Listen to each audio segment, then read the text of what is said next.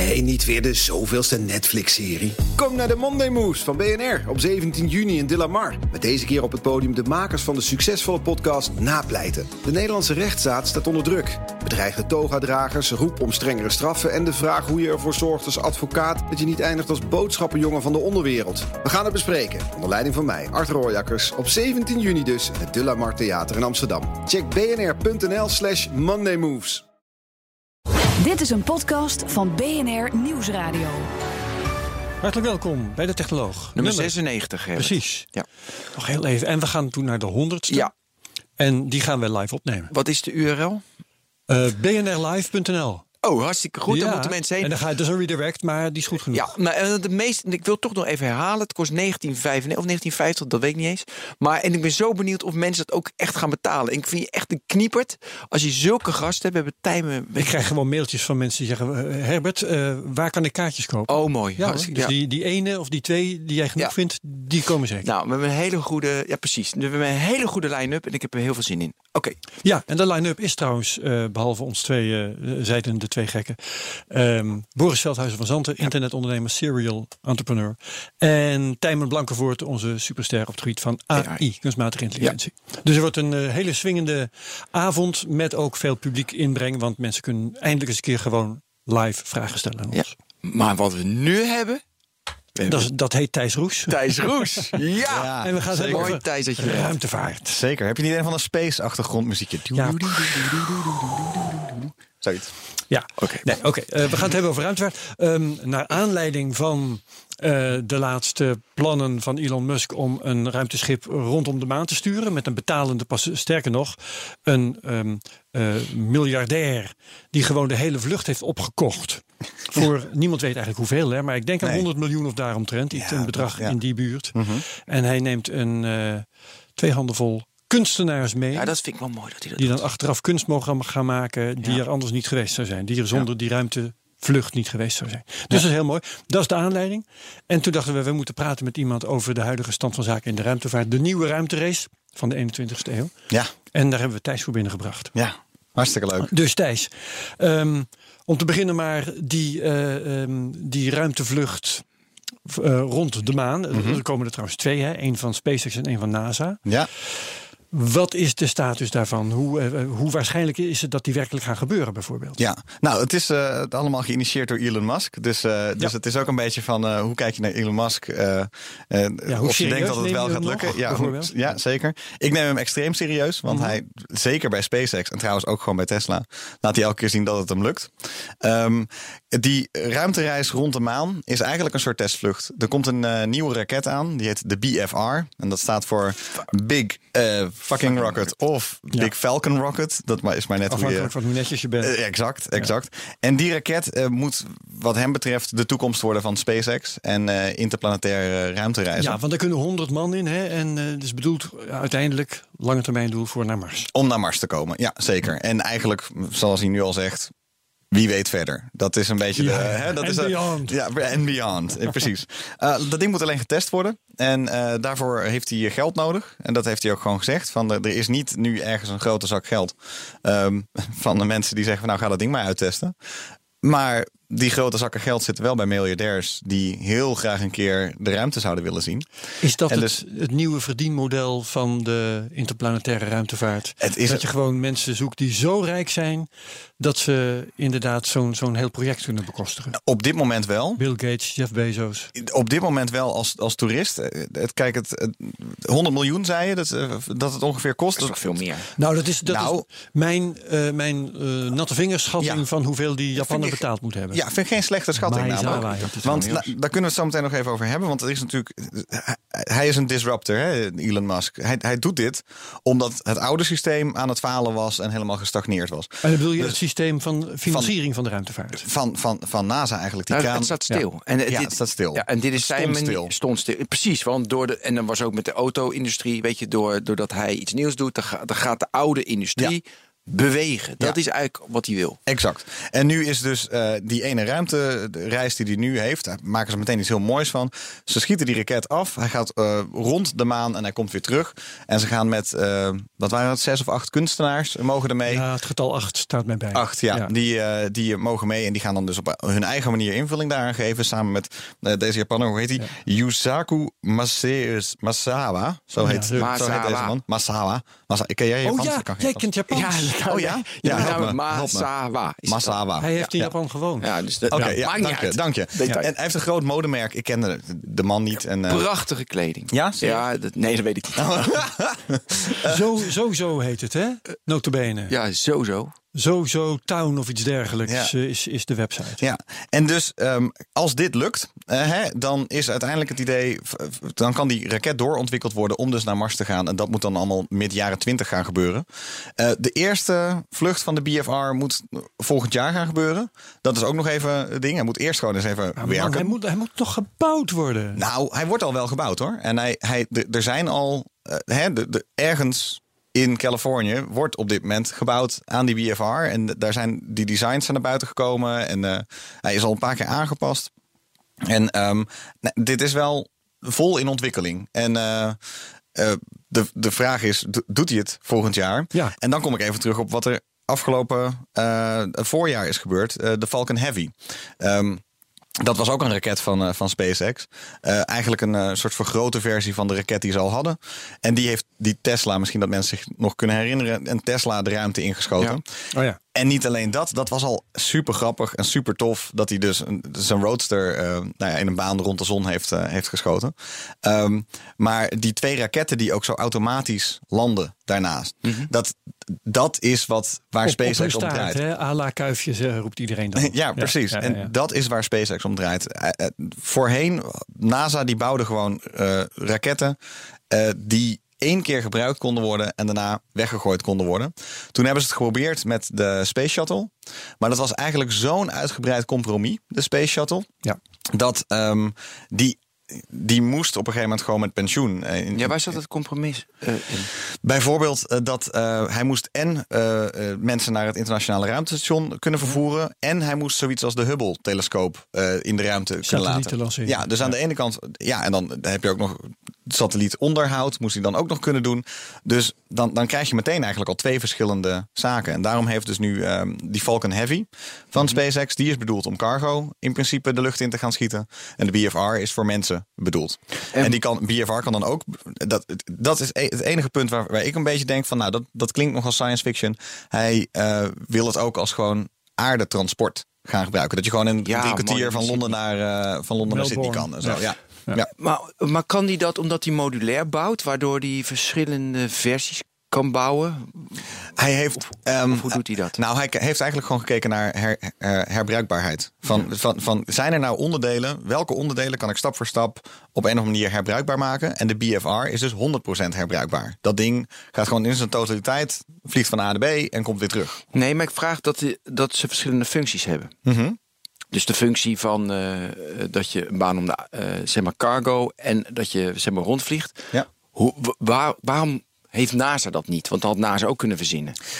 Na, ja, waarom het nou precies misgelopen is met NASA en waarom NASA niet, niet meer die leiding daarin heeft, is een beetje de vraag. Kijk, Nou, ik heb zelf wel een verklaring. Dus Ja, je, moet mensen onderhouden. Hè? Dus de, de, ene, de ene is bedoeld om mensen te kunnen supporten. Dan heb je allemaal life support systems nodig, et cetera. Terwijl als je gewoon cargo de lucht in schiet, is het niks anders dan eigenlijk een soort laadbak die je ja, maar waarom Eh, kan Tesla dat wel? Sorry, waarom kan SpaceX dat wel en waarom kan eh, NASA dat niet? Mm, geld. Omdat, na, nou nee, ik Nee, denk politiek. denken. Nee, ja, oké. Kijk, dat nou, politiek. daarom, zeg, Mooi. daarom Ja. zeg ik dus van dit is een hele lastig van waar is dat nou met NASA Ja, ja, maar laten we dat gegaan? aan Oké. Mijn, is mijn- politiek. Mijn idee daarover is, eh, het budget van de NASA wordt uiteindelijk beheerd door het congres. In het congres zitten politici die van ruimtevaart geen zak afweten, tenminste de meerderheid niet. Het is wel het enige onderwerp, eh, echt, echt het enige onderwerp in de Amerikaanse politiek waar iedereen het ongeveer over eens is dat er, dat, dat, dat heel mooi is voor Amerika. Van, Ja. van Trump tot Obama. maar dat iedereen is misschien ja, maar juist het probleem. En, en dat wordt dan geregeerd door een eh, beeld van de ruimtevaart dat niet per se klopt. Hè, uh, want want uh, zo'n compromis, als jij net schetste van de Space Shuttle, dat komt volgens mij doordat uh, de politici, er zijn ook maar gewoon mensen die uit het publiek naar boven zijn komen drijven, die, die denken, die hebben een beeld van zo'n apparaat dat alles kan. Dat satellieten kan lanceren en dat onderhoud kan doen en dat mensen in de ruimte kan brengen. En ja, dat, dat verkoopt. Dus je krijgt, je krijgt op een gegeven moment een beeld van de ruimtevaart dat verkoopt. Mm -hmm. Ja, en CO wat er dan zeker. Ja, daadwerkelijk zeker. wordt ontwikkeld, moet daaraan voldoen. Terwijl dat niet per se datgene is wat technisch het beste werkt. Nee, oké, dat klopt. En dan heb En je ook wat nog de, de lokale senatoren. Hè? Dus dan zijn het ook nog mensen in Texas en Florida die dus heel wat erg... kan ik doen voor mijn district? Exact, exact. En dan zie je dus, er is... Er is Maar wat is jouw verklaring? Nou, Want dat is de politieke verklaring. Nou, d- dat is, daar hangt dus mee samen gewoon de publieke opinie eh, erover. Dat als daar niet de hele tijd veel aandacht voor is, gaat er ook niet heel veel geld naartoe. Wat je zag is bij NASA, die waren bezig met een eigen nieuw raketsysteem. Dat heet SLS, Space Launch System. Dat zou eigenlijk, als SpaceX er niet was geweest, zou dat het systeem zijn geweest waarmee we naar Mars, waarmee we cargo ver zouden kunnen schieten. Ehm, Behalve dus dat dat ook door de politiek eh, op een hele rare manier is uitgekleed. Ja. Waardoor je er bijna niks mee kan. Nou, het- is, wat dat betreft is er, zijn er al genoeg miljarden naartoe gegaan naar, qua onderzoek. Maar zie je dus dat uiteindelijk een lancering van die SLS gaat waarschijnlijk 1 miljard per keer kosten. Terwijl een lancering van de Falcon Heavy Ja. 90 miljoen gaat worden. Dus volgens mij daar, is- en, da- en, daar, en dat, dat is weer typisch dus eh, een soort van... Je kan eindeloos praten in de, inderdaad de hoge politiek van met mensen die er geen verstand van hebben. En dan komt er één zo'n disruptor doorheen. Die zegt, ja, als we het gewoon op een andere manier doen...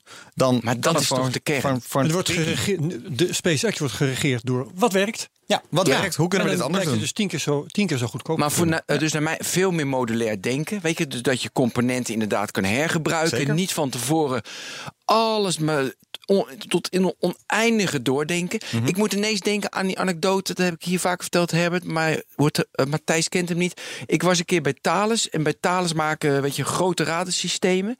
En die, dat weet nu tien jaar, dan verkopen ze er maar tien. En die verplicht agile werken. Weet je, verplicht gewoon. Weet je, vroeger zeiden ze altijd we hele boekwerken als we weer een nieuw raadsysteem. Boekwerken voor met allemaal.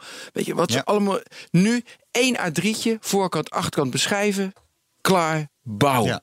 En dat vond ik. En, en dat is naar mijn idee het denken dat je moet hebben. En NASA, dat zullen, dat zullen ze nu ook doen, zeggen ze. Maar dat, dat zit minder in, het, Ja. in de kern. Nou, eh, wat NASA nog wel is, want eh, ik wil ook absoluut niet te veel haten op Na- NASA.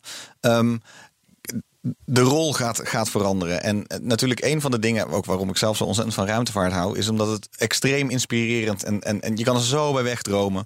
De, de ontdekkingen die worden gedaan, de, de waanzinnige op epische schaal missies die worden, worden uitgevoerd.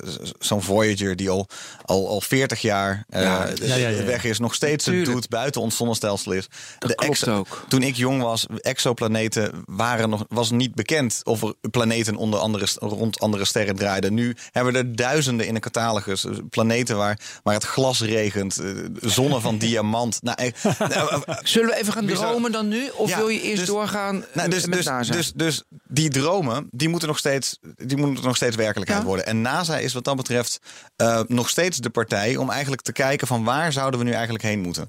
Het, het ding is, hun, de geldkraan bij hun, die is, die is zo klein in vergelijking met alle andere zaken. Daar gaan eigenlijk die paar miljard die ze krijgen, om het zo maar te noemen, is gewoon niet genoeg om eigenlijk al die ambities waar te maken. En dat ze eh, dus de afgelopen twintig jaar ook de hele tijd zo ontzettend moesten nadenken over waar kunnen we nu op dit moment nog een klein beetje een verschil maken. Dat maakt ook dat die organisatie, dat, en Amerikaanse overheidsorganisaties zijn sowieso een, nou niet de meest inspirerende, om zo maar te zeggen. Dat is gewoon bureaucratie en langzaam en, en Ja. stoffig en oud. Compromissen. Ja, dat dan dus zo'n SpaceX. Ja, het lag ook wel helemaal klaar voor ze om dat dus te gaan disrupten. Dat was, dus nu is eigenlijk de vraag. ehm, eh, wat is de rol van NASA? Want we hebben het wel over, hè, nu neemt de private industrie het over. Het waren natuurlijk altijd al gewoon privébedrijven als Boeing en, en Lockheed Martin, die gewoon die contracten kregen. En dus je kan nog steeds zeggen van, en, en dat verandert nu allemaal. Het was altijd al privaat, maar nu wordt opeens de, de stipjes op de horizon worden opeens nu geplaatst door private bedrijven. Het is een privaat bedrijf dat zegt we gaan naar Mars of we gaan ruimtetoerisme doen of we gaan Ja. naar de maan. Of dat zijn andere landen dan Amerika. Dus ik denk dat NASA is met die identi- identiteitscrisis bezig. Dat Space Launch System, waar ik het nog steeds, waar ik net over had, staat nog steeds op de boeken alsof het er gaat komen. de SOS. maar eigenlijk SLS, ja, Nieuwe Space Launch System. ja. En, maar ik zit eigenlijk, en vele ruimtewatchers met mij zitten gewoon eigenlijk te wachten op het nieuws dat dat eindelijk eens een keer gewoon gecanceld wordt. Want Waarom? Wa- want als waarom SpaceX zou je het overneemt. Ja, als SpaceX het voor een prikkie kan doen, voor een tiende van de prijs, waarom zou je dan in vredesnaam dat doen? Moet NASA zich bezighouden met raketten bouwen en die contracten uit, uitschrijven? Ja. Of moeten zij landers maken, eh, eh, ehm, eh, de sondes die naar, naar plaatsen gaan waar we nog nooit zijn geweest? Weet je waar ik opeens aan moet denken? Mhm. Misschien een hele gekke associatie hoor, maar de, de, de omroep in Nederland. Oké. Ehm, met de, ik maar zeggen, de, ja, de, de, de publieke omroepen als opdrachtgever, die vroeger hun eigen programma's maakten en die tegenwoordig bijna alles laten maken buiten de deur door productiebedrijven. Ja. Eh, dan zie ik dus naast als een soort publieke omroep en de industrie daaromheen als de productiebedrijven die langzamerhand Ja. Eh, in feite dezelfde programma's maken. Ja, zou kunnen. Kijk, NASA heeft wat dat betreft een paar soort van pijlers waar ze op werken. Ehm, en bijvoorbeeld een van de pijlers is een, eh, ehm, een, soort verre reizen programma. Van zijn er een soort top 5 van dingen die ze eigenlijk zouden willen doen. Ehm, en- dan kunnen ze er uiteindelijk maar eentje kiezen. Je zou, het- beste zou zijn als er Wat gewoon is een die zak top geld... 5? Ja, maar dus... Ik ken ze niet allemaal uit mijn hoofd, Maar bijvoorbeeld. eh, en, en, en, en salades. Ik weet, dus ik, alles is in het Engels altijd. Eh, ik, ik ben ook Amerika-deskundige en ik, daar Dus veel een gewerkt. maan dus van Jupiter ik- of Saturnus, hè, geloof ik. En, en- eh, ja, het is een maan, maan van Saturnus, eh Enceladus. Dat is een, eh, een soort eh, een, een bal ijs. De buitenkant is, eh, is bevroren. En daaronder is het eh, een vloeibare oceaan. Omdat eh, dat bolletje, dat draait, hij past tussen Amsterdam en Berlijn. Zo, zo klein is hij eigenlijk. Die draait om die, dat enorm, die enorme planeet Saturnus heen. En wordt gewoon helemaal aan alle kanten uit elkaar getrokken, zullen we maar zeggen. Gewoon, daar- Gekneed. gekneed wordt hij, ja. En daar smelt eh, de binnenkant van. Die oceaan wordt op die manier al al, eh, al, al nou ja, miljoenen jaren op die manier in stand gehouden. Nu spuiten er uit de korst van een salades spuiten grote gijzers. En we hebben al ooit eh, met, eh, het Cassini, eh, met de Cassini-ruimtesonde door die eh, gijzers heen gevlogen en gekeken van is daar iets? En wat blijkt dan? Daar blijken allerlei moleculen aanwezig die gewoon de basis voor leven zouden kunnen vormen. Dus dat is echt zo'n plek waarvan je denkt, als we nou eens een keer buitenaards Morgen leven naartoe, moeten, we- jongens. moeten we gewoon morgen heen. Dit is toch een topverhaal. Ik ken het niet. Waanzinnig. Geweldig. Waanzinnig. Vergeet die andere vier maar. Ben betaalt het zelf. Hij is gecanceld. Waar is... Hè? Ja, er is geen geld Wat voor. een losers. Hij, er is geen geld voor. Nee, maar kijk, maar die discussie... En het, en het kost echt, ja, ik bedoel, het, het, kost maar een, fractie, een paar miljard. En dan, dan, dan, dan kan je gewoon zijn zonde erheen sturen om te kijken Nou, of ik wij alleen roepen. zijn in dit universum. Waar jij het niet mee eens bent, eh, Thijs. Mhm. Dit eh, is de schuld van bemande ruimtevaart. Je kunt met, met eh, onbemande projecten zo verschrikkelijk veel prachtige dingen doen. En bemande ruimtevaart is veel en veel duurder. Zeker. Dus waarom wordt dit soort projecten gecanceld? Omdat NASA, en daar, dan krijg je die publieke bemoeienis weer, want er moet verkocht worden aan mensen, hè, de verbeelding moet aangesproken worden. Het wordt verkocht met behulp van bemande ruimtevaart. Wij gaan naar de New Frontier en weet ik veel wat. En daar sterven dit soort projecten door. Precies, en in plaats daarvan zie je... Maar je bent het ermee eens. Nou, ik dacht dat jij ook ik- heel erg voor bemande ruimtevaart was. Ik ben een enorm voor bemande ruimtevaart als, als een soort van eh, als een soort ambitie. Als een Ja. soort ambitie. Maar, Ja. maar als wij inderdaad zondes kunnen wegsturen die allemaal de grootste vragen van ons leven kunnen beantwoorden. zoveel meer op. Zoveel meer. Maar het prio-lijstje nu van NASA is dus eh, ook die SLS die dus zeg maar rond de maan gaat. Ja. Wat SpaceX Ik- ook gaat ik- doen. En, en niet dit. Nee, de, na, naast, Hebben ze andere coole dingen? Ja, het, het, het allercoolste ding eh, is vervolgens ook meteen weer een hoofdpijndossier. Ehm, dat is de James Webb-telescoop. Dat is de opvolger van de Hubble. Die zou eigenlijk volgens mij oorspronkelijk in 2009 al of zo de lucht ingaan. En ehm, nou, toen werd het na heel veel uitstel zou het dit jaar worden. En nu is hij weer uitgesteld tot 2020 of zo. Het, dat ding gaat terugkijken naar de, aller, naar de allervroegste eh, periode na de Big Bang. En niet alleen dat, hij kan dus hè, die exoplaneten waar ik het al even over had, die planeten die om andere sterren eh, heen draaien. Het is waanzinnig. Ehm, die telescoop wordt zo gevoelig dat, en ik ben gewoon een be- beetje een buitenaards leven fan, dus daar gaat het over. Ehm, als een planeet voor zo'n ster voorbij komt. Zo, dat is op dit moment al de manier waarop we hem kunnen zien. Dan zie je dat het, het licht van de ster gewoon een heel klein beetje naar beneden gaat. En afhankelijk daarvan met allerlei eh, natuurkundige magie kan je dan afleiden hoe groot is die planeet, hoe, wa- waar staat die ongeveer. Hè? Wat, wat, wat, heel veel dingen kan je erover weten. Maar als dat ding een atmosfeer heeft, dan zit er een klein verschil. Te, dan kan je.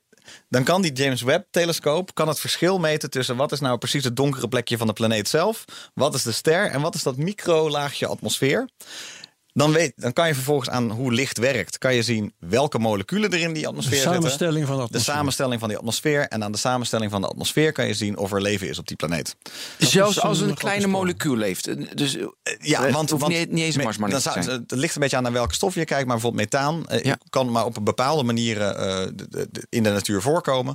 En als het dan op een eh, geologische manier is gevormd, dan is, Mhm. is het de ene soort. Maar als het dan ehm, eh, door leven is gecreëerd, zijn er allerlei andere randvoorwaarden. Ja. En dit, dit wordt uitgezocht door het, ehm, het Carl Sagan Institute in, eh, in New York. Daar ben ik ooit op bezoek geweest. Dat was waanzinnig. Die eh, zoeken dus naar de aarde 2.0. Dus die zijn niks anders aan het doen dan een soort databases aan het aanleggen van al die planeten die we nu hebben. Databases aan het aanleggen van hoe de aarde ooit geweest is in de afgelopen 4,5 miljard jaar.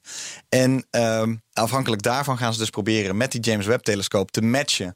Van lijkt het nou op iets dat wij ooit hier op aarde hebben kunnen, kunnen zien. En op die manier dat is de reden dat de hoofdwetenschap van, eh, van NASA, Ellen Stoven, die zei over buitenaards leven. ehm, kijk, eh, de quote was zoiets van: eh, Sorry als ik een beetje mijn boekje te buiten ga, maar we weten waar we moeten kijken, we weten hoe we moeten kijken. En als het geld er is en als we het doen, kunnen we binnen 20, 30 jaar de, eerste tekenen van leven vinden, als het er is. Want Ja, misschien precies. zijn we wel alleen. Je Ja. weet het niet. Dus we zijn zo Maar- ver hierin. ja. We zijn zo ver hierin. Dit, dit, En dat ge- en ja. dit ging over dus de projecten, de mooie projecten, Dit zijn de mooie projecten die, eh, die we zouden kunnen doen. Ja. Dit komt er trouwens wel, hè, die James Webb Die gaat er gewoon komen. Ja, En ik hou me hard vast als dat ding de lucht in gaat. Volgens mij wordt hij op een eh, Falcon Heavy eh, eh, gelanceerd. Is dat uiteindelijk het, het, het plan nu? Ehm, en eh, nee, dat, dat, dat schrap dat. Ik weet niet helemaal zeker wel- Hmm. welke raket ze gaan gebruiken. Wat ik wel weet is dat ik echt mijn hart vasthoud. Want dat ding daar is 20 je jaar gewerkt.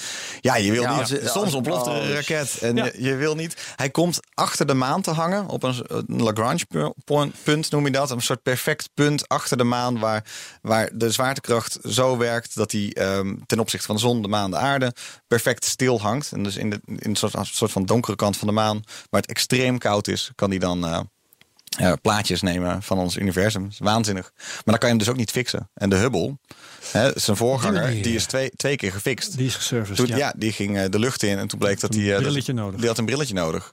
Maar En kan je niet naar hem ja. toe dan weer een keer? Misschien dat Elon Musk dan zegt... eh, ik heb nog wel een dat, dat plannetje wordt uit de echt big fucking duur. Dat wordt big fucking duur, ja, precies. Maar ja, als hij, als hij nu al om de maan heen kan, ja, wie weet, kan hij ook met een ander. Ja, ja. Ja. ja, vind daar, daar begonnen we over. Ik vind het wel irritant. Dat, ja, dat begon- maar dan moeten we ook door. Maar Ja. ik vind het wel irritant dat het geld nu het issue is. Dan kies je toch gewoon iets en dan ga je vol voor. Weet je, ik hoor de hele tijd. Ja, maar dat is, dat is dus het probleem van die Amerikaanse politiek. En, de, Ne- en wat dat betreft de Nederlandse ook hoor. Ook, het is, hoor. het is Ja, niet ja, dat ja. Nederland nou. Ik, ik was een keer op een congres van, eh, eh, van NL Space. Wat, wat, ik vind het super tof dat in Nederland er eh, dingen met ruimtevaart gebeuren. Dat is ook gewoon onze. Ehm, het- al honderden jaren eh, kijken wij naar de sterren hier in Nederland. Ehm, maar ik vond het toch wel typerend dat dat hele congres ging over satellieten die terugkeken naar de aarde. Dus dan schiet je iets omhoog en dan ging, ging je vervolgens dingen Ja. op aarde meten. Wij, wij dromen niet. Volgens mij de, de ontdekkingsreizigers, wij waren de handelaren of zo. Ja. we kijken Nou, hoe, wat kunnen we er gebruik van Maar er, maken. er is wel een interessante wegdromen. splitsing te maken. Want eh, we hebben hier eerder Robert Oh, Mika gehad. ik wil het direct over hebben, ja, van de Ja, ja. SAT. En eh, die, had het over, ja, die had het over de commerciële mogelijkheden van de ruimtevaart. Ja. En dan blijkt dus, als je hem mag geloven, en dat, dat eh, doe ik nog steeds, dat eh, zakelijke ruimtevaart, eh, commerciële ruimtevaart, die doe je in een lage baan om de aarde. Ja, dat is kijken naar de aarde. Ja. En zelfs dingen als mijnbouw in de ruimte, dat is hoogst onzeker. Zeker. En Wel spannend. wetenschap, fa- eh, dromen inderdaad, Mhm. fascinerende wetenschap, dat doe je verderop. Ja, Maar dat kost alleen die, maar die. Amerikanen die zijn aan het dromen en wij maken er gebruik Ja, van. maar Dat is een Thijs, beetje de. Dus van Ja. de ik vond zijn mooiste verhaal is dit. Hij zegt eh, van, van publiek geld Dus, dus ze sturen satellieten de lucht in. Die, en daar, daar komt allemaal data vandaan. En zijn bedrijf is gebouwd op die data. En dan verkopen ze bijvoorbeeld eh, aan verzekeringsmaatschappijen hoe droog de aarde is in grote maisvelden in de Oekraïne. Dus publiek geld, denk ik, ja. En dan maakt hij dan een bedrijf van. Dus ik vond, ja, is die serie, denk ik, ja, daarom moeten we dat doen. Ja, zeker. Dus als je eh, Topverhaal. het, het, het, eh, de pitch, de, de interne economische pitch is gewoon: het levert je extreem veel op. En het levert je allemaal van die zaken op waarvan je eigenlijk nu nog niet kan bedenken wat dat dan, Ja, dat is- wat dat dan is. Eh, Dus zonnepanelen bijvoorbeeld zijn ex- extreem veel efficiënter gemaakt in de jaren 70 toen ze op eh, ruimtevaartschepen Nou. werden gezet. En dat heeft enorm geholpen met Precies. de ontwikkeling daarvan. Eh, er waren voorgangers van smartphones, om het zo maar te noemen, waren Ja. in de ruimtevaart. Ja. Allemaal van zulke soort zaken. En ik ben persoonlijk, en dat, nou goed, dat is gewoon ook mijn persoonlijke inborst of zo. De- de- Neil deGrasse Tyson die zei dat zo mooi toen. ehm, Astronoom. astronoom en, eh, en, en Carl Sagan, ook een bekend astronoom, die, eh, die, die, die zei het ook. De aarde heeft ons de, de ruimtevaart heeft ons de aarde doen ontdekken. Het feit dat wij voor de eerste keer de aarde soort in het niks konden zien zweven, dat was. Dat, dat, dat zorgt voor een soort verandering in, in mindset van een heleboel mensen. Dat het geen toeval is dat na die foto's die van die, van die eerste maanreizen afkwamen, dat daarna eh, de hele milieubeweging is opgekomen. Omdat er opeens van die foto's waren van Dat dit, bolletje de aarde, in de dat ruimte bolletje in de ruimte. Van dit, is, dit, dit is alles wat we hebben. Dit is waar we vandaan komen. Alle geschiedenisboekjes die je ooit geleerd hebt. Elk mens dat je kent. Alles. Alles wat je weet is dat kleine bolletje Ja. in echt een soort kolossaal niks. Een kolossaal helemaal niks. Maar En jij, jij dat, da- daar leer je dus lessen van. Die, die, die dus soms niet in geld, in, in, zo'n hard, harde pecunia uit te drukken is. En daar, daar is het ook belangrijk voor. Dat je dus niet. eh, en volgens mij, Elon Musk zegt dat tegenwoordig ook. Van, de- hij doet het niet alleen maar om soort van geld eh, te verdienen of zo. Of hier nou dit commercieel eh, levensvatbaar te maken. Dat is niet het einddoel. Het, einddoel is een verandering van, de, van onszelf als mensen. Ja, en zijn, zijn Marsreis, wat zijn lange termijn doel is, daar denkt hij volgens mij geen geld mee te verdienen. Dat gaat alleen maar geld kosten. Dat is een Ja. ideaal. Ja, Nee. ja, dat denk ik ook. Maar Ja. goed, die kunstenaars, Kloot, ik ben even de naam vergeten. Zij het Kloot en hij het anders, die alles inpakken. Weet je, die zeggen van wat kost, weet je, wat brengt kunst op? En dan zeggen ze ja, Inpakken, dat is. ehm, ja, Kloot. eh, Ja, maar we kunnen ja, alle drie nou niet ja, opkomen. ja, precies. Zijn vrouw heet Kloot. En hij heet, nou, kunnen er niet opkomen. Maar Christo. ja, Christo, dank je. Oh, anders kregen zoveel Christo, haatcomments. Ja. Ja. Ja. Ja. echt niet normaal. En mensen haten ons als wij op een nieuwe naam komen. Maar die zegt van, dus wat brengt kunst op? Ja, en dan zegt hij, wat brengt een kind op? Weet je, dat is, Ja, ja, ja, je precies. moet het zo zien. Precies. En het is een beetje- Dit, weet zo fundamenteel. Ja, en wat zo mooi is aan de ruimtevaart, ook aan het nieuws ervan volgen. En als het dus lukt om een beetje soort van in zo'n nieuwscyclus te komen, dan zie je dus dat we in een tijd leven. Hetzelfde als de tijden van, eh, van Columbus en Magelhaan die de, die de aarde overgingen. Of de eerste nou, apen die, die zeg maar de grot uitliepen en de wereld overtrokken. Wij staan aan het we zitten midden in een periode van zo'n enorme verandering voor ons als mensen. Dat het waanzinnig is. Je kan, je kan Star Wars kijken tot je er dopen neervalt. Maar zo nu en dan lees je het gewoon in de krant. En het is allemaal echt. En Ja. dat maakt het zo inspirerend. maar we hadden het over, over geld. Ja, we hebben het over geld. Terug naar geld. Terug naar geld. Nee, want het, zit- het zit allemaal aan elkaar vast. Jij zegt, Ben, wat jammer dat, dat eh, we dingen niet kunnen doen alleen maar vanwege dat geld. Maar daarom vind ik het zo interessant dat nu dat nieuwe verdienmodel, het is eigenlijk geen verdienmodel. ehm, Musk is aan het proberen om de ruimtevaart te laten betalen door eh, wat in feite hè, mecenassen. Een beetje zoals, eh, het was dan toevallig een koning, dus misschien ook een overheid. Maar, maar Columbus is, eh, is betaald door de koning van Spanje. Zeker. Een mecenas. Ja. Gewoon iemand die te, geld te veel had. De piramides zijn neergezet door mensen die geld te veel hadden. Wist ik niet. Leuk. Ja, Rembrandt Nou ja, kon schilderen enzovoort. Nou ja, Ja, weet je, ja, zeker. Rembrandt werd ook betaald Zeker. door... Ja, precies, eh, mecenas. dat- ja, ik weet niet of je... kon je ook, ook wel een markt noemen, want Rembrandt kreeg ook gewoon opdrachten. Ja.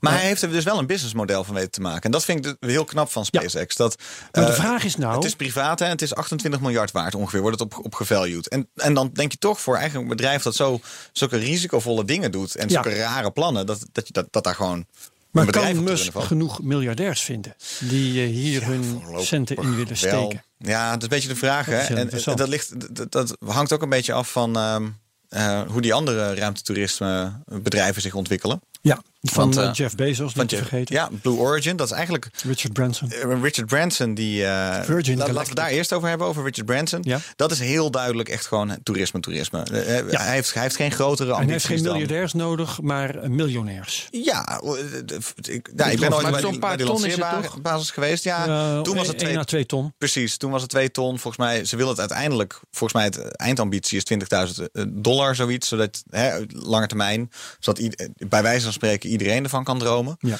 Maar dan Ehm, heb je een retourtje, eh, een, een, eh, een vlucht van een uur, bij wijze van spreken. Ja, het is een, toevallig, toevallig een vlucht van een uur. Die van Jeff Bezos, die is volgens mij maar iets van 12 minuten of zo. Wat je, wat je bij, ehm, bij eh, Virgin Galactic gaat krijgen is, dan moet je naar New Mexico toe. Daar ga je in een soort, soort van traditioneel vliegtuig, om het zo maar even te noemen, de lucht in. Naar grote hoogtes. En dan word je in een soort raketje losgelaten. En die vuurt zichzelf af tot helemaal hoog eh, boven de atmosfeer. Daar hang je dan eventjes eigenlijk. Gewoon, ja, omdat je gewoon snel omhoog bent gegaan, even blijft hangen en dan weer terug naar beneden valt. Ja. Dan ben je gewichtloos. Je ziet de, de, de, de, de bolling van de aarde. Je ziet de, de, de Zwart van de zwartheid, ruimte. Ja, zwart ja, van de ruimte. sterretjes. En dan langzaam eh kugelt hij weer naar beneden en eh, landt hij als een soort zweefvliegtuigje. Dat is, dat is Virgin Galactic. En ehm, eh, Blue Origin van Jeff Bezos, hè, de baas van, van Amazon. Die, eh, die wil het met een raket doen. Dus dan ga je in principe gewoon met een raket. En dan blijf je als een soort eh, bolletje eh bovenin hangen. En uiteindelijk met een soort parachute ga je weer, ga je weer omlaag. En dat, wat dat betreft zijn dat, zijn dat twee verschillende dingen. Om een of andere reden wil eh, Jeff Bezos, die, die, die mikt ook op miljardairs, eh, volgens mij. Terwijl je toch eigenlijk meer waar voor je geld krijgt, volgens mij bij Virgin Galactic. Omdat je gewoon langer onderweg bent. Dus wat dat betreft eh, moet ik maar zien hoe het gaat. Maar Jeff Bezos ziet, Maar die producten zichzelf... die worden straks diverser natuurlijk. Dat hè. denk Het ik wel. En- Nu, nu, la- nu laten ze in gedachten zien van nou dit zou je kunnen doen. Maar ehm, als die toerismemarkt echt gaat groeien, dan gaan ze ook hele verschillende producten aanbieden. Langere vluchten en waar je meer kunt zien. Lekker. En, nou ja, dat is al heel ver sp- gedacht. maar- Spendeer de zomer op de maan en zo. Ehm, de, nou ja, het is ver gedacht, maar het gaat, het gaat ooit gebeuren. Dat weet je gewoon. Eh, als die prijs maar gewoon ver genoeg omlaag gaat. Als die. BFR het doet. Jeff Bezos is wat dat betreft wel ehm, eh, de grootste uitdager van, van SpaceX. eh, met zijn Blue Origin. Maar hij is nog lang niet waar, eh, waar Elon Musk nu al wel is.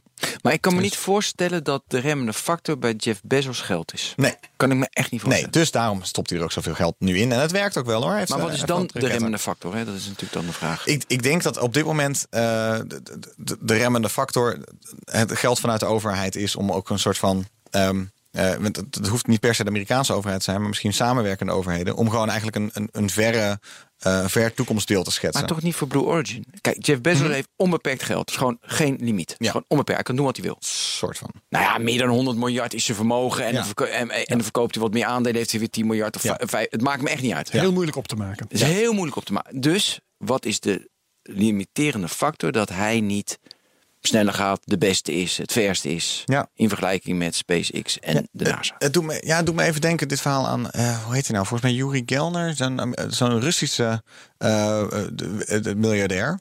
Mhm. Die wilde heel graag een sondes sturen naar een eh, andere ster. Naar ons, Ja, onze buurster, Alpha Alpha Centauri. Centauri. Ja. En hij wilde dat voornamelijk, toch een soort, nou ja, zullen we maar zeggen, een soort ego-dingetje.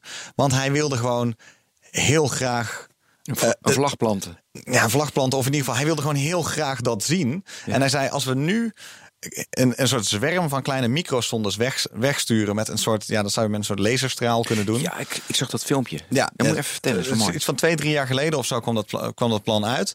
Ehm, wat dat betreft is er nog niet heel veel ontwikkeling in geweest. Maar je zou een zwerm weg kunnen sturen en dan met laserstralen eh, een soort chemische reactie kunnen veroorzaken onder die kleine zondes. Waardoor ze tegen de snelheid van het licht aan. Het is eh, toch gewoon een aangaan. zonnezeilwerking? En zonnezeilwerking, ja, alleen dan met een laserstraal aange- Ja, precies, ja. En ehm, eh, dus eh, dan zou je. Het, volgens mij zou het iets van 20 tot de- 40 jaar duren of zo om ze dan daar te krijgen. En dan, zoiets. kost het nog een paar eh, lichtjaar, vier, vijf jaar lichtjaar om, eh, om het terug te sturen eh, naar ons. Maar dan zou je dus binnen.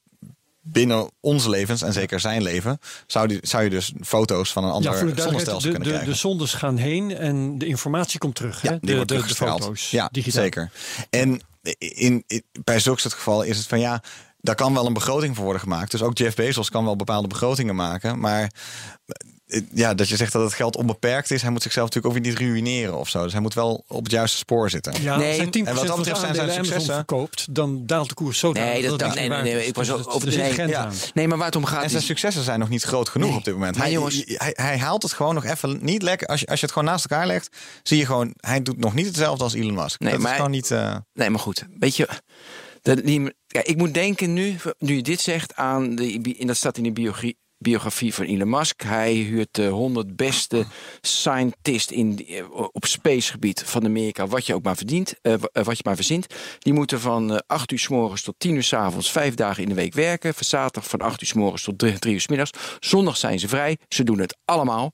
Dan zegt hij na een half jaar: jullie moeten op een atol in de Stille Oceaan werken. Oké, dan doen we dat. Dus hij krijgt mensen zo gek om dat te doen.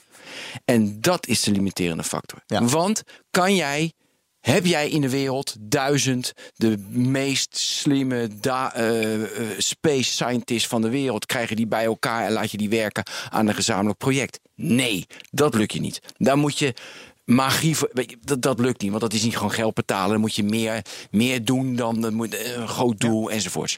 En ik denk dat dat de limiterende factor van. Dus Ik moet een beetje aan de WIC denken. De, de West-Indische Compagnie. Die eh, Ja. in, in eh, de Verenigde Staten. Nee, dat was niet de Verenigde Staten. In Noord-Amerika destijds. De nieuwe wereld.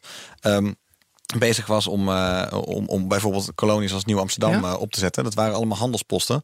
Die heeft nooit winst gemaakt. Er, er is hier een, eh, in Amsterdam zitten we een, is een pakhuis gebouwd waar al die bevervellen werden opgeslagen. En, en, en, en, en dan heb je nog het West-Indisch huis, volgens mij ergens op de Haarlemmerstraat, waar, waar New York is opgericht. Hè, van, eh, van Nieuw-Amsterdam, van, eh, daar is de brief verstuurd. Allemaal opgezet in die gouden eeuw. ehm, van nou, dat, misschien dat we daar geld uit kunnen halen. En uiteindelijk zie je dat al het geld dat erin gestopt is, eigenlijk uiteindelijk niet zijn geld heeft opgeleverd.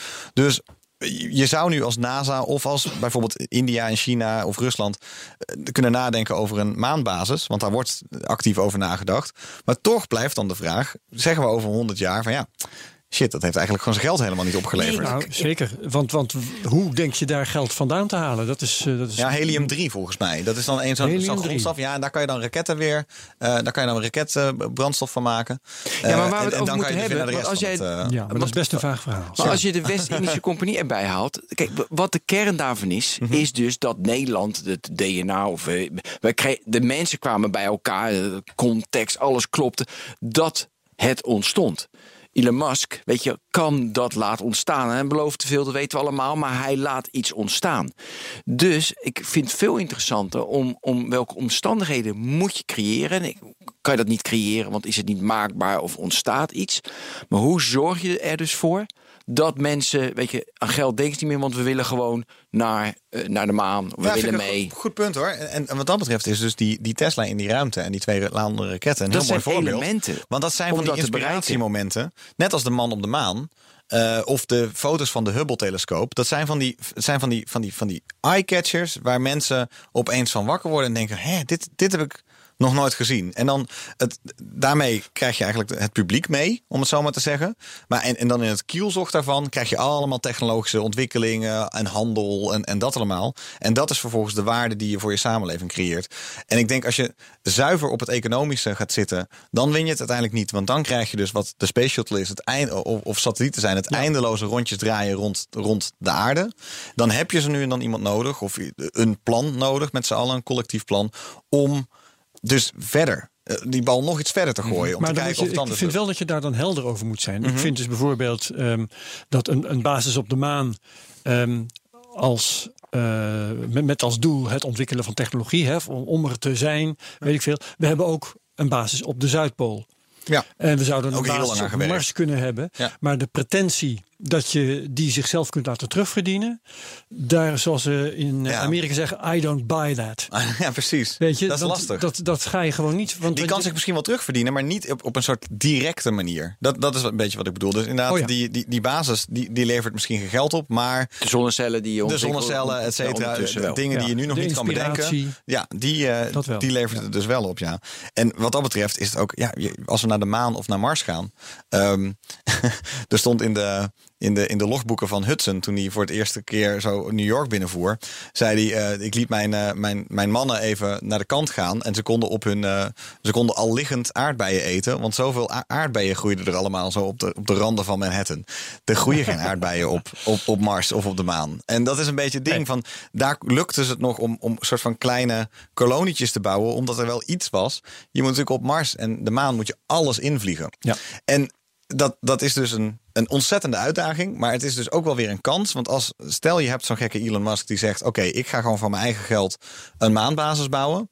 Dan zie je eigenlijk wel weer dat in het kielzog zoiets als een maanbasis. eh, dan heel zinvol zou kunnen zijn. Want ehm, nou, wat is het grote probleem van een raket lanceren? Zwaartekracht. Eh, Ja. en, de, en de atmosfeer. Laten we even die twee dingen. Dus Ja. je moet eerst die atmosfeer uit. Heel veel wrijving. Dat kost ontzettend veel energie. En vervolgens moet je eh, los van de zwaartekracht van de aarde. put klauteren. Ja, die heb je op de maan niet. De maan, Nou, minder. Minder, ja. Eh, veel minder. En stel dat je daar dus een soort tankstation zou kunnen bouwen. Dan is er dus meteen een soort economisch model voor waar. Als dat in, op Mars allemaal lukt en Mhm. als al die dromen uitkomen, dan is dus zo'n maanbasis helemaal niet zo En daarvoor raar. zijn, zijn delfstoffen op de maan wel relevant. Als Ja. je die hele raket daar ter plaatse Ja. zou kunnen bouwen. Ja. Dat scheelt zo verschrikkelijk veel aan energie om eh, vervolgens weer naar Mars te stappen. Ja. Dus dat, dat, Er is eh, wel één, één eh, missie van NASA die eraan zit te komen. Die moet nog, volgens mij over een jaar, twee jaar of zo. gaat er nog een soort zonde naar, de, na- naar de maan. Eh, om te kijken wat voor materialen daar nou eventueel zijn. Want we weten niet precies wat de maan is. Hè? Hoe Nee. de maan nou exact is ontstaan. want je Maar hebt metalen nodig. En het is de vraag of die er zijn in Precies. eh, En dus hoeveelheden. Exact. Ja, dus het is even uitzoeken van, van wat zit er nou precies. En kijk, stel dat daar bij wijze van spreken platinum, eh, platina gewoon in, in de grond zit. En je zou dat in grote bakken of zo hier in de oceanen kunnen storten aan een, ik noem maar iets. Dan, dan, dan, dan zit daar wel een economisch model, model aan vast. Maar ehm, men weet het nog niet. Dus volgens mij is het nu eerst nog eens eh, de zaak dat er wordt gekeken naar. eh, eh, is, is het er? Ja. En dan, dan krijg je pas die maanbasissen. Maar je ziet wel dat andere landen ook inmiddels daar dus wel mee bezig gaan. Dus India en Japan en dat allemaal. Dat En werkt het niet een beetje samen? Want dat vind ik wel mooi van de ESA. Dat is gewoon Europees. Ja. En de ESA werkt ook samen met NASA en Precies. natuurlijk ook met, met Ik Rusland. die samenwerking juist wel redelijk. Weet je wat ik fascinerend vind? Ja. Ehm, nee, eerst, eerst nog even iets anders. Ja. Over, over naar Mars gaan en verdienmodellen en de hele mikmak. Mhm. Eén argument, eh, en eh, dan wil ik graag weten wat jij ervan vindt, dat Elon Musk nu en dan van stal haalt, is dat we een backup planet nodig hebben. Ja. Persoonlijk vind ik dat klinkklare bullshit. Oh, vind ik niet. wilde Nee. weten wat jij daarvan vindt. Ja, ik vind het dus in principe geen klinkklare bullshit, omdat het. ehm, het gaat een beetje terug naar dat, eh, de, de mensen die, eh, die het eerst uit Afrika eh, liepen. Je, het, het is, je kan zeggen van oh, de aarde gaat er ooit aan. En dus hebben we op Mars iets nodig. Maar het is meer zo van. Gaan wij nou voor eeuwig op aarde blijven? Of als we de kans hebben, gaan we dit universum op een of andere manier Ontdekken. ontdekken en zien. Ja, Zo- om- zo- ja, ontdek- maar dat, is- dat is oh, dus steeds wat ik van elkaar probeer te onderscheiden. Je kunt ontdekken en, en verkennen, is allemaal interessant. Ehm, Ja, mij maakt het soms niet uit of je nou linksom of rechtsom naar Mars gaat. Dat is een beetje, een beetje de zaak. Maar ik nou, denk het nee, het is wel er waarmee, zit- er zit je een het essentie in. De- de- als, je, ja. als, je, als je zegt het zou hier op aarde wel eens, we zouden de boel hier wel eens in 100 kunnen laten Ja, lopen. ja, ja. Dan zeg ik, als het hier vervelend wordt, trek dan hier een ruimtepak aan. Ja. Want het is, het is op Mars altijd vervelend. Altijd vervelend. However, eh, klopt. En daar ben, ik, daar ben ik het natuurlijk ook wel mee eens. Ik denk gewoon dat een asteroïde niet zo heel snel gaat inslaan bij ons. Of eh, klimaatverandering verandering gaat ontzettend veel problemen geven. Maar betekent niet per definitie het, het einde van leven eh, op aarde. Ehm, het is wel zo dat als je dus naar Mars gaat en je moet daar zien te overleven. En je wil het terraformen, dus je wil er een soort nieuwe aarde van maken. Dan leer je allerlei zaken over klimaatverandering. die, die je dus op aarde vervolgens weer kan gaan toepassen om klimaatverandering te herstellen. Ja, dus dat, dat, zijn is dus, die. dat is dus een ander argument. Dat Ja, is dus het is niet een het ar- argument, wij moeten daar gaan wonen, want het wordt hier misschien wel eh, te, te gevaarlijk of te onaangenaam. Dat is echt onzin. Ja, daarom zeg ik een beetje van, van linksom of rechtsom, het maakt me niet zoveel uit. Ik ben het wel ermee eens dat als je, stel je trekt het gewoon de tijd extreem ver door, dan is het zo.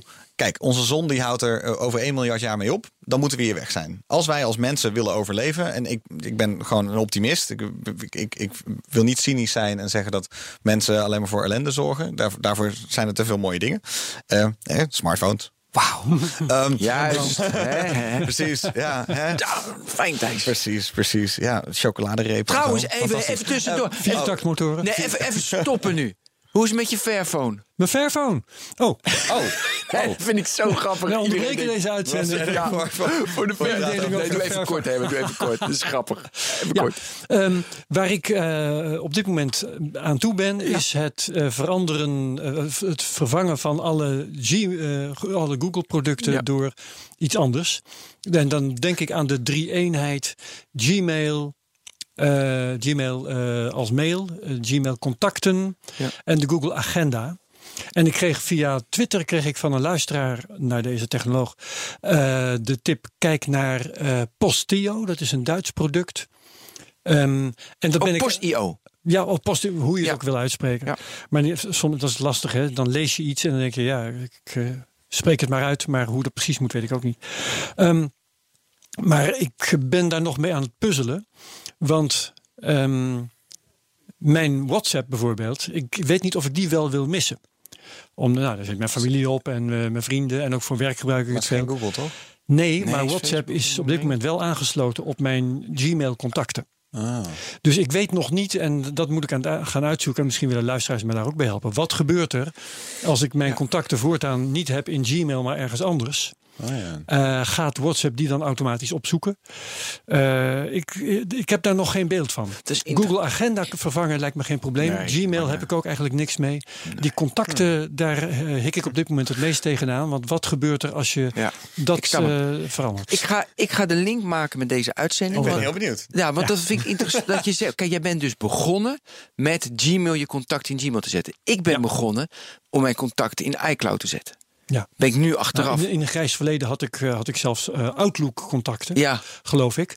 En die heb ik weten te converteren naar Gmail, op een Gmail. gegeven Dus moment. ja, spijt. Wat een Nee, maar geweldige- spijt. Ik, ja, ik maak de link. Ja, waar gaat het heen? Ja, dus ik iCloud, geen spijt. Weet je, nou ja, we kunnen alles over zeggen over Apple, maar geen spijt. We willen beter dan alles in Google of Microsoft. Nee. Eh, nou, en de, en, de, en de link is dit. Kijk, waar je mee begint, NASA, een raket omhoog. Een, eh, en, dan, en dan verbrandt hij als hij terugkomt eh, ergens in zee weg. Een vliegtuig is niet zo handig als je van New York naar, een, eh, naar Los Angeles vliegt. Weet je, dan, ja, als je één keer gebruikt, dat is onzin. Dus die gaat heen en weer.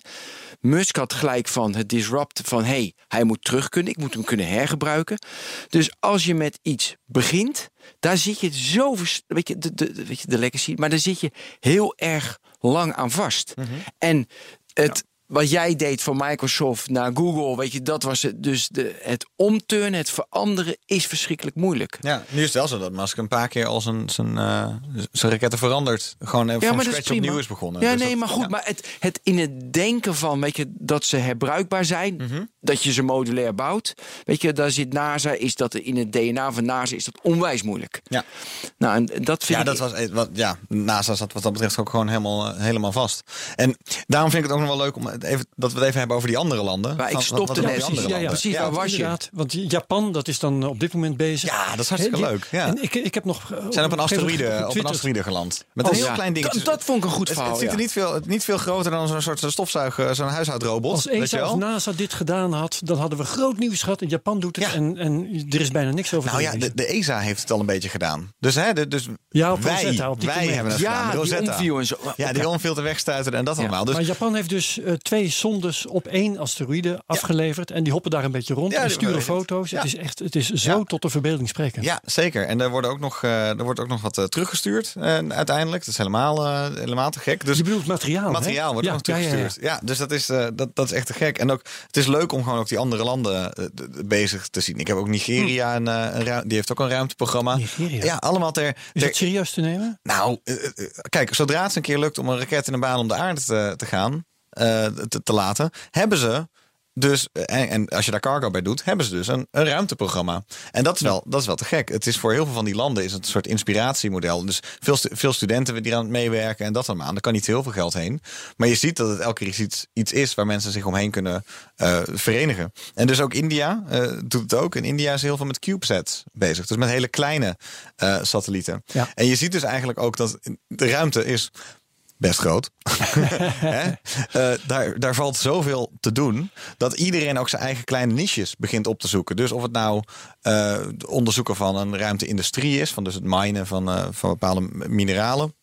Of het bouwen van raketten. Of waar Nederland goed in is, bijvoorbeeld het bouwen van sensoren of gewoon hardware en meetapparatuur. Voor iedereen is er eigenlijk wel, wel een niche te bedenken. En die niches zijn eigenlijk allemaal in de afgelopen 15 jaar of zo pas echt lekker pas goed tot ontwikkeling gekomen. Dus het, um, uh, wat dat betreft staat er gewoon nog heel veel te gebeuren. Ik heb een vraag. Ja. Zijn er de laatste jaren eh, technologische ontwikkelingen geweest waardoor het beter gaat met de ruimtevaart, sneller gaat, waardoor het ja, meer aandacht voor is? Of is dat niet zo bijzonder? Ik, wat dat betreft. De computer power, ik weet natuurlijk allemaal meer data, beter algoritmen. Ja. Dus dat weten. Dus Ja. heeft dat ook echt geholpen? Of zijn er ook nog andere elementen? Ja, ik zit even te zoeken hoor. Want afgezien van dus herbruikbaarheid van deze raketten. En, en, en gewoon het feit dat het internet er is. Waardoor iedereen live kan meekijken bij, al, bij allemaal zulke soort zaken. Heeft, een, heeft enorm geholpen. En het feit dat natuurlijk gewoon als een. De computers die nu de lucht in worden geschoten. Die zijn zo krankzinnig veel beter dan wat we voorheen hadden. Dat is waanzinnig. Ik, wil het wel over de Voyager hebben. Ja. Voyager. Ja, ik wou net zeggen, Ja, wat. Voyager. Ja, Oh, je wilt nu zeggen. Ik, ik heb er een tatoeage van op mijn arm staan. Niet, eh, Serieus? ja, Ja, niet- eens kijken. Ja, oh, even- Sure, Oké, mo- Thijs Roes kleedt ja, het nu uit. Ja, mooi dat het een podcast is. Maar vertel maar door. Ja, oké. Nou, kleed ik me even, ik even mijn blouse uit. Ehm, Voyager, is, daar zat een soort oude televisiecamera op eh, uit de jaren zeventig, Ja, zullen we maar zeggen. Dus die foto's die we, die we hebben van Uranus en van de Neptunus, ehm, die komen nog steeds van die oude, eh, van die oude Jeetje. zonde. Kijk, En- dit is mijn tatoeage. Ja, en dat is je enige tatoeage? Ja, dat is de enige tatoeage. Ik, had. ik, ik zei, had altijd zoiets van. mijn ouders vonden het ook vreselijk. tatoeages. Ik ben opgevoed met tatoeages van ordinair. En dat mag allemaal niet en zo. En ik had altijd zoiets van. Ja, er gaat gewoon niks zijn dat zo tijdloos is. Dat ik, dat ik, dat ik over 50 jaar nog steeds denk. Nog steeds tevreden ben met het feit dat ik daar een tatoeage van had. En ehm, uiteindelijk. Voyager is op zo extreem veel manieren zo inspirerend voor me Nou, geweest. vertel dat- maar dan. Oké, nou, het, eh, punt 1. verste object door de mens ooit weggeschoten. En het is het enige object door de mens gemaakt buiten ons zonnestelsel. Dus wij zijn nu een. eh ja, die waren er interso- Hm? Het waren er twee. Het zijn er twee, ja. En de tweede is nog niet te buiten, maar de, de Voyager 1 is nu buiten, buiten ons zonnestelsel. Eh, dus wij zijn nu buiten ons zonnestelsel getreden als mens. Hebben, we- hebben we nu nog contact met die Voyager? Ja, zeker. Oh, nog steeds. Ja, ja, mooi. de- hij, hij, hij- hij stuurt eh, een signaal terug te- met de sterkte van eh, ongeveer een koelkastlampje. een koelkastlampje. En dat, dat eh, tegen, tegen de, de, de niksheid van het heelal en die paar sterren die op lichtjaren wegstaan, is dat dus nog steeds best wel een sterk signaal. En dat lukt ze om dat op te pikken via Deep Space Network. Hè. Er is een soort internet van, van de ruimte. Van ehm, verschillende grote ehm, telescopen. Eh, Van die radiotelescopen. radiotelescopen. Gigantische schotels. Ja, van die gigantische schotels. Volgens mij Mad- Madrid en eh, in Australië staat er een en in de Verenigde? Staten. Oh, Chili. Nee, Chili is een ander. Is, dan, Die kijkt echt gewoon, eh, maakt mooie foto's, zullen we maar zeggen, van, van de ruimte. Dit is om te communiceren met dus al die, eh die ruimtesondes. Maar het is ook een fantas- fantastisch verhaal op zichzelf. Hè? Dat je door op verschillende plaatsen radiotelescopen te gebruiken en te koppelen, Ja. heb je een telescoop die in feite zo groot is als de aarde zelf. Ja. En dus altijd aanstaat. Krankzinnig. Altijd aanstaat. Ja. Ja. En dus die praat nog steeds met Voyager. En Voyager, die heeft, Voyager 1 heeft volgens mij nog vier instrumenten die aanstaan. Voyager 2 nog vijf instrumenten die aanstaan. Ze hebben allebei een plutoniumreactor eh aan boord om hem. eh, om, om ze te kunnen voor elektriciteit. En ehm, de- die, die sensoren die geven dus aan bijvoorbeeld van, van, van, van welke deeltjes zijn daar nog. En daar kan je dan aan aflezen of het binnen of buiten het zonnestelsel eh, zich begeeft. Nou, Voyager 1 buiten ons zonnestelsel. Maar ehm, wat ook zo prachtig is van... eh, van eh, het zijn zoveel dingen mooi. De volgende hij heeft een, een routekaart terug naar ons zonnestelsel. Dus mochten ooit aliens hem vinden, dan hebben, heeft Daar Carl- kom ik vandaan. ja, Carl Sagan heeft erover nagedacht van hoe kan je nou een soort, soort universele taal creëren, waardoor mensen op een of andere manier, of mensen, hoor mij, aliens, op een of andere manier terug kunnen komen bij ons zonnestelsel. Er zit een gouden plaat op met Ja. ehm, eh, allemaal foto's van de aarde. En die foto's zijn ook zo fantastisch. En dan zie je van die kleine, van die kleine kinderen uit alle windstreken om een enorme globe staan waar ze allemaal hun hand zo ophouden. Of je ziet een duiker eh, in de zee naast een walvis. Wat allemaal van die platen zijn. Het is gewoon zo goed over nagedacht van wat voor een beelden stuur je nou weg. En dan een van de mooiste dingen is dat eh, de laatste foto's die, eh die Voyager gemaakt heeft. Dat was een. eh, Voyager is omgedraaid, gewoon 180 graden omgedraaid, om een foto te maken van ons hele zonnestelsel. En je ziet niet zo heel veel. Je ziet eigenlijk gewoon een paar soort van vage, vage stipjes. Maar het is de verste selfie die we ooit van onszelf gemaakt hebben. En Carl Sagan wilde gewoon heel graag onderstrepen over hoe, hoe kwetsbaar we zijn. Het bleke blauwe stipje, het bleke pale blue dot. Eh, Zeker, hij heeft er een heel boek over geschreven met dezelfde titel. En ehm, het, het, het, het, dat, is, dat is zo prachtig, omdat het als, eh, voor mij ook als levensfilosofie of zo. Een soort, eh, we moeten het met, met elkaar rooien, jongens. En eh, eh, wa- hoe, hoezeer we elkaar ook altijd de hersens hebben ingeslagen. En hoezeer je misschien ook tegen eh, globalisering zou zijn. Eh, Dat kleine vage blauwe stipje is toch echt het enige, het enige dat we op dit moment hebben. Tenzij we natuurlijk naar een klein rood stipje gaan. Maar, dus daar is ook het antwoord op jouw vraag. Nou, dus Ja, daarom op een gegeven moment dacht ik van nou, dit, eh, dit, dit, dit, dit, dit herinnerde mij in ieder geval de- als, als, als mens eh, aan Ja. om al, die tatoeage om eh, altijd te blijven ontdekken. Dat was een beetje de reden dat ik hem toen uiteindelijk genomen heb. Ja. Terecht, ja. Ja. En ja, ze doen het nog, de Voyagers doen het nog waarschijnlijk tot ongeveer 2025. Ze zijn nog een beetje aan het kijken of ze die software nog iets efficiënter kunnen Dan maken. Om te die kijken of, plutoniumbatterijen uitgeput. precies, dan zijn die batterijen op en dan is het toch echt, eh, dan zijn ze nog een miljard jaar Ja. gewoon maar aan En dan hebben we nog Pioneer 1 en 2, hè? Ja, die staan ook nog. Die En New Horizons niet te vergeten. Want Pioneers die staan uit. Maar eh, oh, die zijn echt uit. ja, volgens mij. Ik, ik, ik hoorde ook nooit meer iets van. Nee, we zouden het na, na kunnen zoeken. Maar volgens mij zijn, die, eh, eh, zijn die uit. New Horizons staat nog aan. New Horizons die is naar Pluto gegaan een paar jaar geleden. Ik weet niet of je dat toen meegekregen. Maar toen kwamen opeens voor de eerste keer foto's van Pluto. Eh, Dat was voor mij. Ik weet niet hoe het met jullie is geweest. Eh, Jullie zijn ietsje ouder dan ik. Maar eh, ik had nog nooit meegemaakt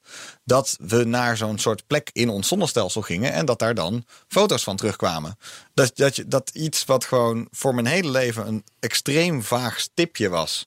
Eh, de beste foto waren drie pixels of zo. Ik vond het ook een sensatie. Sensatie dat je gewoon de eerste keer van hè. dit is dus Pluto. Hij ziet er wat zo voor wereld uit. er dan blijkt te zijn. Ja. Met allerlei ijsformaties. En Totaal anders ook, denk ik, dat, dat iedereen ook dacht, volgens mij. Ehm, en die is nu op, op weg naar een nieuw ehm, eh, object in de Kuiperbelt. En eh, het- volgens mij duurt dat ook nog twee jaar of zo. Ehm, dus die ook niet vergeten, want dat is ook nog zo'n. Die gaat ook hartstikke hard. En, eh, Eh, maar die heeft geen foto's en, en plaatspelers. Eh, Die heeft geen foto's en muziek. mij hè? heeft geen foto's mee. Nee, nee. Nee. misschien hebben ze vast nog wel ergens een eerste egg, maar niet zo. Ze hebben bij New Horizons hebben ze een plan gehad in die richting. Om op het moment dat alle foto's van Pluto eh, teruggestuurd waren naar de aarde. Om dan het betreffende geheugen daarna alsnog te vullen met eh, een soort voorraad foto's van de aarde. Er is dus niks bij de lancering meegestuurd. Hey. Maar er was een plan om dat achteraf te doen. Oh, dat kan nog steeds op misschien. digitale manier. Het kan nog steeds, maar eh, bij mijn weten is dat bij een plan gebleven. er was er toch wel wat geld voor nodig. En zelfs dat kleine beetje geld, dat hebben ze niet bij elkaar gekregen. Is volgens mij de stand van zaken. Maar Ja, ik ben er nou, niet 100% hopelijk, hopelijk kunnen ze dat ding gewoon eh, her, herprogrammeren. En verder zie ik hier, eh, volgens mij is de Pioneer 10 op eh, 7 februari 2003 beëindigd. Ah, ja, 2003 al. Dat, eh, dat zit ik nu bij elkaar te Ja, googelen. Ja. nou heel goed. Ja, nou ja, jammer, maar dan we je zijn er. nog Pioneer 11. En, eh, nou ja. Ja, ja, ja, precies. Ehm, maar goed, dus het is nu het, het, het- het- wat, wat lastig is in die ruimtevaart. De, de nieuwscyclus is wat dat betreft ook vrij, vrij langzaam, want het gaat elke keer over een soort van jaren. Dus het, het is ook vrij lastig om het om de hele tijd. eh, eh, goed door te hebben. Want er zijn de hele tijd op, op, wordt er op, op, op, op 30 plaatsen eh, geschaakt, zeg maar. En dan wordt er weer iets gecanceld. En dan gaat het toch wel weer door. En eigenlijk Ja. totdat iets daadwerkelijk geland is en daadwerkelijk data terugzendt met informatie, is het.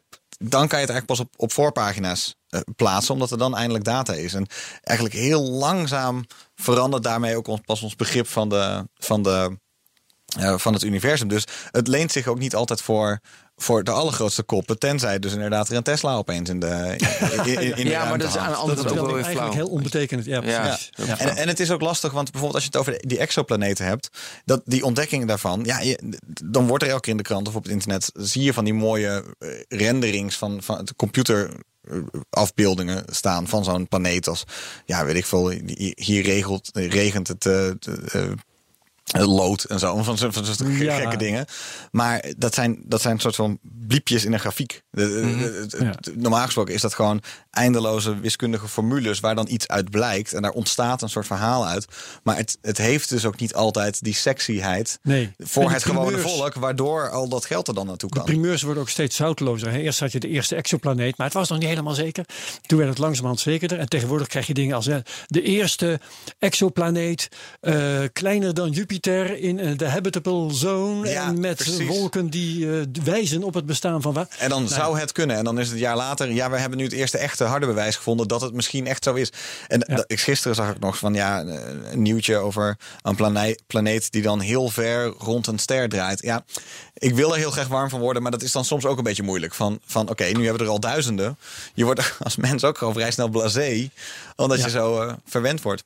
Maar ik weet niet eh, of jij het nog kan herinneren, maar ik hoor altijd zo'n verhaal over dat de Mars was, was vroeger ook altijd zo'n idee van, oh, daar moeten we heen, en misschien zijn er wel Marsmannetjes, et cetera. Mhm.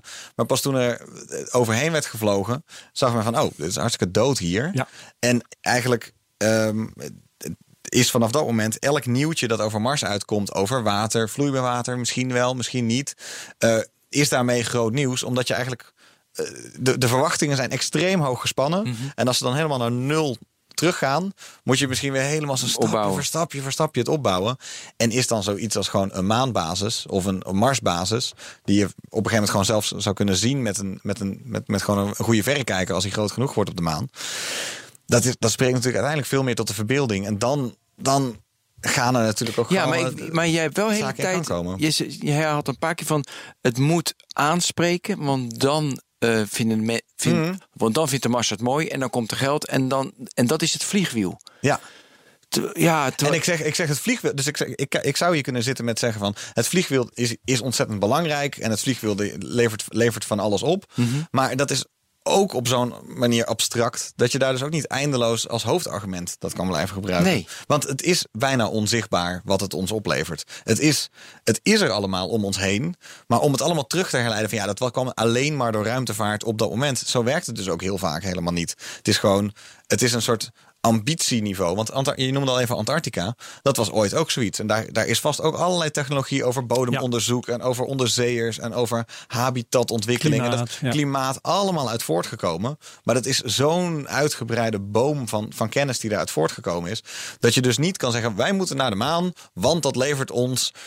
Puntje, eh, kernfusie op of zo. Ja, ja, ja. Want zo werkt het gewoon. Je zo kunt werkt er geen kostenbatenanalyse op loslaten. Niet, niet zo één op één. Je kan het achteraf zeggen. he- Heeft het ons iets opgeleverd? Zoals toen met die bevervellen in, eh, in, in, in, in Nieuw-Amsterdam in Amerika. Dat je achteraf zegt, nee, niet echt. Maar je kan ook zeggen, het heeft ons de smartphone opgeleverd. Want eh, uiteindelijk, eh, New York werd groot. Daardoor werd Amerika groot. Daardoor gingen de mensen naar het westen. En daar kwam uiteindelijk Silicon Valley, waar uiteindelijk een smartphone uit voortkwam. En dat, dus het is op zo'n moment zo, zo abstract ook. Dat je dus eigenlijk van die inspiratiemomentjes nodig hebt. En van die gekke rare verhalen als over die Voyager. Of over ja. die Tesla. Of over de eerste man op de maan. Om dus mensen wakker te houden en de wij te, wij te betrekken. Van jongens, dit is heel belangrijk en hier moet gewoon veel meer geld naartoe. Ik vind Veel het meer een geld. Mooi moment om eh, er gewoon mee te stoppen. Want dat Ja, is een mooie zeker. famous last words. Thijs, bedankt. Ja, heel graag gedaan. Ja. Dit was Thijs Roes, Ja. wetenschapsjournalist. Te vinden op thijsroes.nl. hè. Dat Eh, als ik hem dan toch even mag pluggen. Eigen Science is jouw, eh, jouw bedrijf. Ja, zeker. Jouw mijn eigen roken nu. Oeh, dat doet hij al. Ik moet een nieuwe hosting hebben.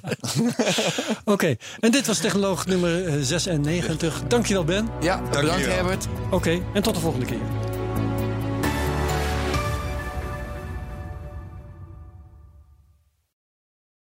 Ook Liesbeth Staats vind je in de BNR-app. Ja, heel handig. Luister live naar Kees en mij tijdens de Daily Move. Dan blijf je ook gelijk op de hoogte van breaking news en het laatste zakelijke nieuws. En daar vind je ook alle BNR-podcasts, waaronder de Perestrooikast. Download nu de gratis BNR-app en blijf scherp.